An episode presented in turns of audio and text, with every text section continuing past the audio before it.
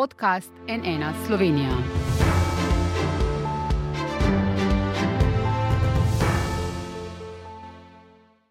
Ponovno pozdravljeni. Nadaljujemo z izrednimi oddajami NN studio o ruskem napadu na Ukrajino.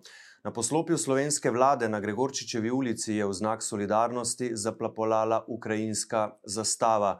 Pred nekaj minutami smo lahko tudi spremljali nagovor oziroma govor generalnega sekretarja Zveze NATO Stoltenberga.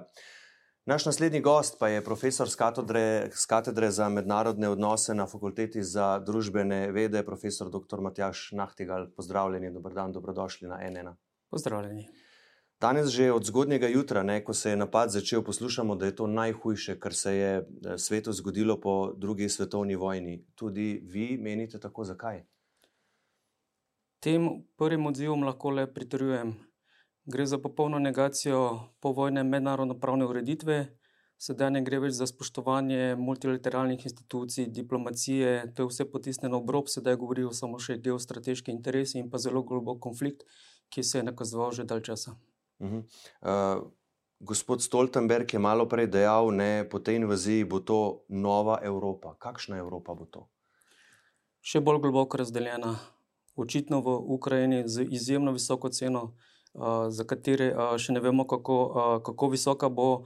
Prav tako visoka cena v Rusiji med ruskim prebivalstvom, ne na zadnje, je prebivalstvo Ukrajine mešano prebivalstvo, ni eno nacionalno, trpijo pravzaprav vsi narodi narodnosti v Ukrajini, tudi ruski, ne le ukrajinski, in posledice bodo katastrofalne. Najprej za Ukrajino, za državotvornost Ukrajine, za evropske odnose EU, Rusija, in mislim, da je to kar velik prelomni dogodek v zgodovini. Mhm. Zdaj, generalni sekretar NATO Stoltenberg je uh, tudi dejal, da je zdaj mir v Evropi uničen. Omenjal je četrti člen uh, Severnoatlantske torej pogodbe Severnoatlantskega zavezništva NATO, ne, ki so ga zahtevale baltske države in Poljska. Uh, je pa tudi omenil, da je 100 letal in 100 ladij v pripravljenosti in da to kaže, da je peti člen trden, ampak do uporabe petega člena verjetno vsaj v tej situaciji, kot je trenutno, ne more priti, ne sveda se ni napadena nobena od držav članic zavezništva. Formalno drži. Uh, po eni strani gre tudi tukaj za uh, nekoliko zapoznelo reakcijo tako NATO kot zahodnih voditeljev, ki so se nekako prebudili v tem relativno letargičnem obdobju zadnjih mesecev uh, skromnih pogajanj in pravzaprav nekako pričakovanj, da bodo uspeli zaobiti tudi to krizo te zgodbe nekoliko manjka tudi pogajalska spretnost in komunikacija Angele Merkel, eh, nemške kanclerke, eh, ki je nekako uspela vzpostavljati minimalno komunikacijo in tudi ravnotežje Rusija, Ukrajina, EU in Zahod. Eh, mislim, da je to kar velik vakum nastal po njenem odhodu, šolci ni dorasel. Mislim, da tudi njegov obisk, nedavni obisk v Moskvi, bil izjemno neuspešen in je še dodatno nekako pospešil odločenost, že tako veliko odločenost pravzaprav ruskega predsednika Putina in njegovega najožjega notranjega kroga, vojnega kabineta, ki je v celoti prevzel obvladovanje Rusije. Pravijo nekateri, da je ta ruska varnostna elita pravzaprav prevzela državo, ne obstaja nobenih sistemov zavor in ravnovesi. Čeprav v Rusiji rusko prebivalstvo ne podpira, si ne želi vojne, celo po javnomnenjskih raziskavah Levade, večina se najbolj boji ruskih državljanov prav vojne. In tudi ocene, včeraj sem gledal zadnje javnomnenjske ocene ruskih politologov, so, da je v največ, najbolj, najslabšem primeru, ne, kakor gledamo, samo 20, 25 do 30 odstotkov ruskih državljanov v resnici pripravljenih podpreti Putina v vojni zopr Ukrajino, ampak to sedaj ne igra več nobene vloge. Stara pravila so porušena, tudi peti člen NATO. Ne na zadnje sicer velja samo za članice, vendar pa ne gre pozabiti, ne na zadnje Ukrajina partnerica. NATO zelo težko bo NATO stal ob strani, če se bodo stvari izjemno eskalirale in vse kaže v tej smeri, da je Putin pripravljen iti do konca. Ja, izgleda, da je duh ušel iz steklenice, ne, težko ga bo spraviti nazaj. Omenili ste, ne, da pač kancler Šolc ni uspel, bom rekel, dobro stopiti v, v velike čevlje, ki jih je za seboj pustila kanclerka Merkel. Katere napake diplomatske so bile dejansko narejene v tem zadnjem času, da je potem prišlo do tega zdaj? Eh, strani Zahoda Najprej, predvsem je lev, levi delež celotne odgovornosti, seveda na Putinu in a, njegovemu prepričanju, da je Zahod a, postal vse špekejši, da nasprotuje multilateralnemu načinu globalizacije, kot jo je vzpostavil v zadnjih dveh desetletjih Zahod. A, to se je nakazovalo vsaj že od leta 2007, do takrat je Putin še iskal neko sobivanje nekega ruskega gospodarskega, družbenega, političnega modela z Zahodom. Po tem obdobju je prepričan, da to ni več možno, da želi sam spostaviti močno Rusijo, ki se bo čim bolj oddaljila. In tem je tudi eden od ciljev, koliko iščemo racionalne cilje v tem napadu na Ukrajino, agresiji na Ukrajino, da se bo čim bolj oddaljila, odmaknila od Zahoda. In uh, celotno rusko prebivalstvo, in tudi belorusko, velik del Ukrajine. Uh, tako da je, kakšne napake tukaj dela Zahod, uh, predvsem se je zanašal na sankcije kot cilj na sam, samem po sebi. Mhm. Rusija se je v zadnjih letih zelo dobro prilagodila na sankcije, gospodarsko je celo napredovala. To je Zahod vse čas spregledoval. Uh, izboljšali so svoje uh, poljedelstvo, izboljšali so svoje uh, tehnološke standarde, modernizirali vojsko in pa predvsem v zadnjih letih nakopičili velikanske devizne rezerve. V 500-600 milijardah uh, dolarjev so trenutne rezerve, kar daje neko, nek manevrski prostor uh, sedanjem. Ne? ruskim, ruskim korakom, da so relativno odporni na sankcije. Torej, težava ali pa napaka, pomakljivost je bila, da so gledali na sankcije same kot sebi cilj in niso nekako razumevali tega a, ruskega iskanja ali pa a, prizadevanj za reformulacijo postsovjetske Rusije na celotnem območju uh, vzhodne Evrope v odnosu do Zahoda. Največja napaka se je zgodila, po mojem mnenju, z uh, predlogom Evropske komisije, da vključi Ukrajino v ekonomsko partnerstvo in s tem izključi Rusijo. To je bil tako velik udarec in zaupanju in tudi pravzaprav možnosti gospodarske, družbene integracije, postopne ruskega gospodarstva, da ga je pravzaprav tukaj sama pospešila vse te postopke in tudi utrjevala Putina v tem prepričanju. Po drugi strani pa napaka, z druge strani, če že napravite korak A, morate biti konzistentni in potem tudi odločni v koraku B. Po eni strani torej sankcije, gospodarske, ekonomske, ki vidimo, na katere se je Rusija zelo dobro prilagodila, išče tudi alternative, vedno se jih da zaobiti, v tem so zelo spretni. Po drugi strani pa v tem niso bili konzistentni, recimo tudi za nezadostno podporo Ukrajini. Hkrati grozijo sankcijami s povečevanjem stopnjevanja napetosti, po drugi strani umikajo ne samo svoje, svoje veleposlaništva, zapirajo zračni prostor, da je zelo jasno vedeti, da Zahod ni pripravljen braniti Rusi, eh, Ukrajine. V nobenem uh, primeru, nekako so upali na bolj manjšo regionalno uh, konflikt. Ne, tudi nekje je bilo med zahodnimi voditelji omenjeno, da Donbass področje lahko tudi eh, pre, prenesejo, prebavijo. Če to bo tako ali tako povzročilo še dodatne težave uh, Rusiji, ker bodo Donbass prestrukturirane pomenijo milijarde uh, v prestrukturiranje zastarelega gospodarstva, ki je zelo oboboženo ne? v Ukrajini. Skratka, jaz bi rekel, zelo veliko napak, predvsem pa na nek način dejanje, po eni strani nepripravljenost na pogajanja na drugi strani sankcije kot same sebi namen, po tretji strani pa v bistvu prepustite Ukrajine uh, bolj ali manj na milost ali ne milost uh, Putinevemu Makiaveljemu trenutku, ki ga v tem trenutku spremljamo. Mhm. Mnogi so, ali pa nekateri, no, vlekli usporednice s hladno vojno, njenim vrhuncem, torej kubansko krizo. Kje so tu podobnosti, kje razlike morda? Jaz se bojim, da je prej več podobnosti z letom 1914. -huh. ko je, uh, so svetovna neravnotežja takrat nakopičena, uh, nesoglasja, vele sil, uh, raznoliki interesi in nesposobnost iskanja skupnih uh, uh, rešitev, pahnile nehote, neželeno. Uh, Evropo in velik del sveta v Prvo svetovno vojno z grozljivimi uh, posledicami, in uh, analogija, stoletna analogija tega, uh, kot reče uh, tudi knjiga o tem napisana, Sleepwalking, kako so uh, nespretnost, ne, po Bismarcku znal uravnotežiti uh, vse te odnose med velesilami vzhoda in zahoda, po, uh, potem pa so izbruhnili nacionalizmi, uh, ki so postopoma v bistvu peljali korak po koraku. Uh, pogledano za nazaj, logičnih uh, sosledih v, uh, v prepad Evropo in velik del sveta. In tukaj smo zelo na tem robu, gledamo v, v prepad. Mhm. Kako pa ocenjujete, nekaj ste že rekli, ampak vendarle odziv Evropske unije, ne, uh, njeno vlogo v tej krizi, ki je pač zdaj eskalirala? Jaz imam občutek, da je uh, se popolnoma umaknila od svoje uh, začrtane ideje strateške avtonomije, ker bi lahko tudi Evropska unija v neposrednem interesu, ne, to, kar se dogaja v Ukrajini in v Rusiji, še mnogo bolj, kot je za to zainteresirana Bidenova administracija.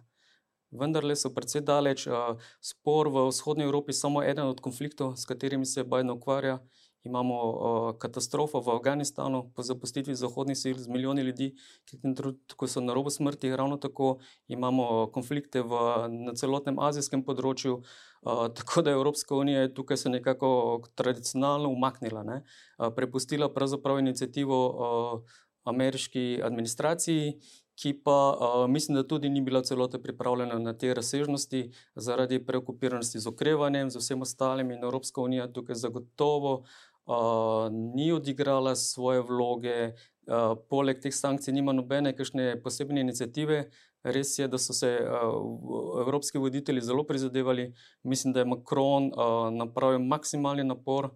V tistem obdobju, da je bil po svoje tudi ponižen, ne s tem srečanjem pri Putinu, kljub vsemu, mislim, da je ravno smiselno bolj evropsko in bolj iskal skupne imenovalce, ki pa so bili očitno porušeni in kjer Evropska unija uh, ne igra uh, posebne vloge, v bistvu je spet potisnjena v obrob in je bolj ali manj prepuščena uh, toku dogodkov in pa vsem posledicam, ki bomo tudi evropski državljani zelo hitro, zanesljivo čutili na vseh možnih področjih v zelo neugodnem trenutku, ki je uh, poskušamo ukrevati, se uh, izvesti nujno potrebno za prihodnost človeštva, energetsko prenovo, iskati uh, nove uh, modele gospodarskega, socialnega, družbenega delovanja. In v tem trenutku je izjemno ranljiva Evropska unija. Mm -hmm. Omenili ste posledice, ne, kako ranljiva je Evropska unija, kako hudo begunsko krizo lahko pričakujemo, morda zdaj.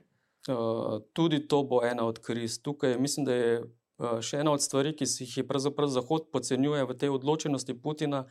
Putin že dolga leta študira ranljive točke Evrope.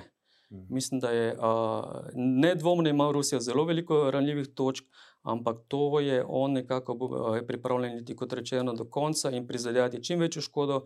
Videli smo Lukašenka, a ne to je bil tudi že uvertura v začetek uh, begunskih kriz in tukaj mislim, da ne bo. Velike sentimentalnosti, tudi če bo cena ruske strani, ki jo je Putin očitno pripravljen plačati s svojim notranjim krogom teh, gotovo ne šir, širšega prebivalstva, ampak mislim, da se tukaj ne bo oziral veliko naokoli, ker tudi ni nobenega mehanizma, tudi ne vem, kdo sploh lahko danes vpliva na Putina konstruktivno. Morda edino v tem trenutku se nakazuje. Kitajska vloga je edina diplomacija v tem trenutku, članica Varnostnega sveta, ki še poziva na iskanje uh, miroljubnih rešitev, uh, na iskanje uh, vsaj, vsaj deeskalacije, predtem bodo stvari šle popolnoma iz rok. -hmm. Glede na mednarodno pravo, kakšne korake ima zdaj mednarodna skupnost, sploh na voljo, poleg sankcij, ne, ki jih pač stopnjuje zdaj? Žal in iskreno, ne veliko tem trenutku lahko ugotovimo eklatantno uh, kršitev, verjetno največjo kršitev mednarodnega prava po drugi svetovni vojni, pri čemer moramo biti zelo iskreni in zelo pošteni. Ni prva kršitev mednarodnega prava v zadnjih desetletjih, Unilateralizem je izum, patentiral ga je Zahod v desetletjih predtem, po pacu Berlinskega zidu, po unipolarnem svetu je Zahod interveniral po svetu unilateralno, veliko krat mimo ali ob kršitvah eh, mednarodnega prava. To je ruska stran, Putin je, je uh, vse čas prisoten, je nekdo, ki, je, ki izpostavlja, da je Razpad Sovjetske zveze je največja geostrateška katastrofa uh, sveta v zadnjih stoletjih, in uh, tukaj se pravi, uh, mednarodno pravo bo odigralo vlogo, Rusija bo gotovo na tapeti v tako varnostnem svetu, kot v generalni skupščini, ampak tudi diplomacija, pravzaprav ruska diplomacija je tukaj je potisnjena v obrob. Lavrov ne igra več tako pomembne vloge, pomembno vlogo igra samo še vojni kabinet, ki je očitno pripravljen vse. Mm -hmm. Mednarodno pravo pa pač nima vzvodov, ne, eh, ki bi jih morda potrebovalo, ne, da, bi kaj, da bi kaj dosegli. Zavezujočih resolucij uh, Varnostnega sveta ne bo mogoče doseči ob uh, uh, stalnem vetu Rusije. Mm. Uh, je pa pričakovati uh, zelo, vseeno, uh, bo, bo zelo gledala Rusija, vendar le koliko zaveznikov po svetu še ostane Tukaj se je zelo zanašala na Kitajsko, ki je poskušala nekako ostati nekje na pol poti, nekako celoti, ne gre nasproti Rusiji, ne, ne podpira brezrezervno, išče Kitajska, ima tukaj pravi, spoštuje integriteto, soverenost Ukrajine. Tako da mislim, da je kitajsko stališče v tem trenutku zelo konzistentno, zelo načelno, skladno s mednarodnim pravom. Uh, tako da nekaj malega prostora tudi za generalnega sekretarja Združenih narodov bo v teh pogovorih, ampak kot rečeno, tukaj bo uh, mednarodno pravo v res uh, uh, stalni dialektiki z geostrateškim konfliktom, ki se razplanteva. Mhm. Za konec še pogled na še bližnjo soseščino, če tako rečem. Kakšne bodo posledice za območje Zahodnega Balkana, ne, kjer se tudi stopnjujejo separatistične težnje, zlasti znotraj Bosne in Hercegovine, govorimo o Republiki Srpski, eni od dveh entitet? Tudi to področje bi bilo dobro, da se Evropska unija veliko bolj proaktivno začne obnašati, uh, preden bo spet ne, tukaj. Edini, ki vleče poteze v tem trenutku, je Putin. Ne, če vidimo, vsi ostali so v defenzivi. Mm. Evropska unija samo čaka in potem iz, iz, izreka sankcije, v popolni enotnosti sicer, vendar te sankcije, kot rečeno, so cilj same po sebi, niso pa v kontekstu kakšnih bolj uh, proaktivnih rešitev, ki jih v tem trenutku je v resnici vedno manj uh, na mizi. Uh, in vsaj v, na področju jugovzhodne Evro, uh, Balkana, uh, mora Evropska unija že v tem trenutku odigrati bistveno bolj proaktivno vlogo, a, krepiti državotvornost prilož Bosne, tudi vseh drugih nastalih držav na, na Balkanu, negovati dialog in perspektivo celotnega prebivalstva Balkana. Ti ljudje ravno tako potrebujejo, tako kot Ukrajina, pravzaprav. Ne, mm. Je v bistvu, kar je zelo malo krat podarjeno, je 50-odstotna revščina v Ukrajini, kljub osemletnemu delovanju EU, ZDA, IMF-a in je revščina izjemna. Razvitost Ukrajine je danes nižja, kot je bila leta 1990. Ukrajina je pravzaprav največja žrtev v bistvu teh zelo neuspelih poskusov tranzicije in posttranzicije, o čemer je govoril tudi Putin, sicer zelo poniževalno. In omalovaževalno do ukrajinske državotvornosti, kar mislim, da je izjemno slab znak, zelo podcenevalno od teh pač sentimentih ruskega imperija in tudi tukaj je zelo pomembno, da Evropa ne bo odigrala svoje neokolonialne vloge, ampak bo podprla z vsemi močmi v resnici perspektivo mladih, podjetnikov, infrastrukture, zdravstva v Bosni in vseh, vseh ostalih republikah bivše Jugoslavije, kjer EU ima vsa sredstva, ima vse možnosti, da lahko Balkan veliko bolj prosperira, če se bo Evropska unija vendarle zganila. Ja, morda pa jih bo zdaj to dogajanje, ki ga spremljamo v teh dneh in zlasti od danes, zgodaj zjutraj naprej, spodbudilo k temu. Bomo videli, profesor Matjaš Nahtigal, najlepša hvala, da ste bili gost NN. Hvala vam. Hvala pa tudi vam za vašo pozornost. Za zdaj iz studia se seveda ponovno oglasimo z novimi gosti. Za vse zadnje informacije o tem, kaj se dogaja v Ukrajini, pa seveda nnainfo.com.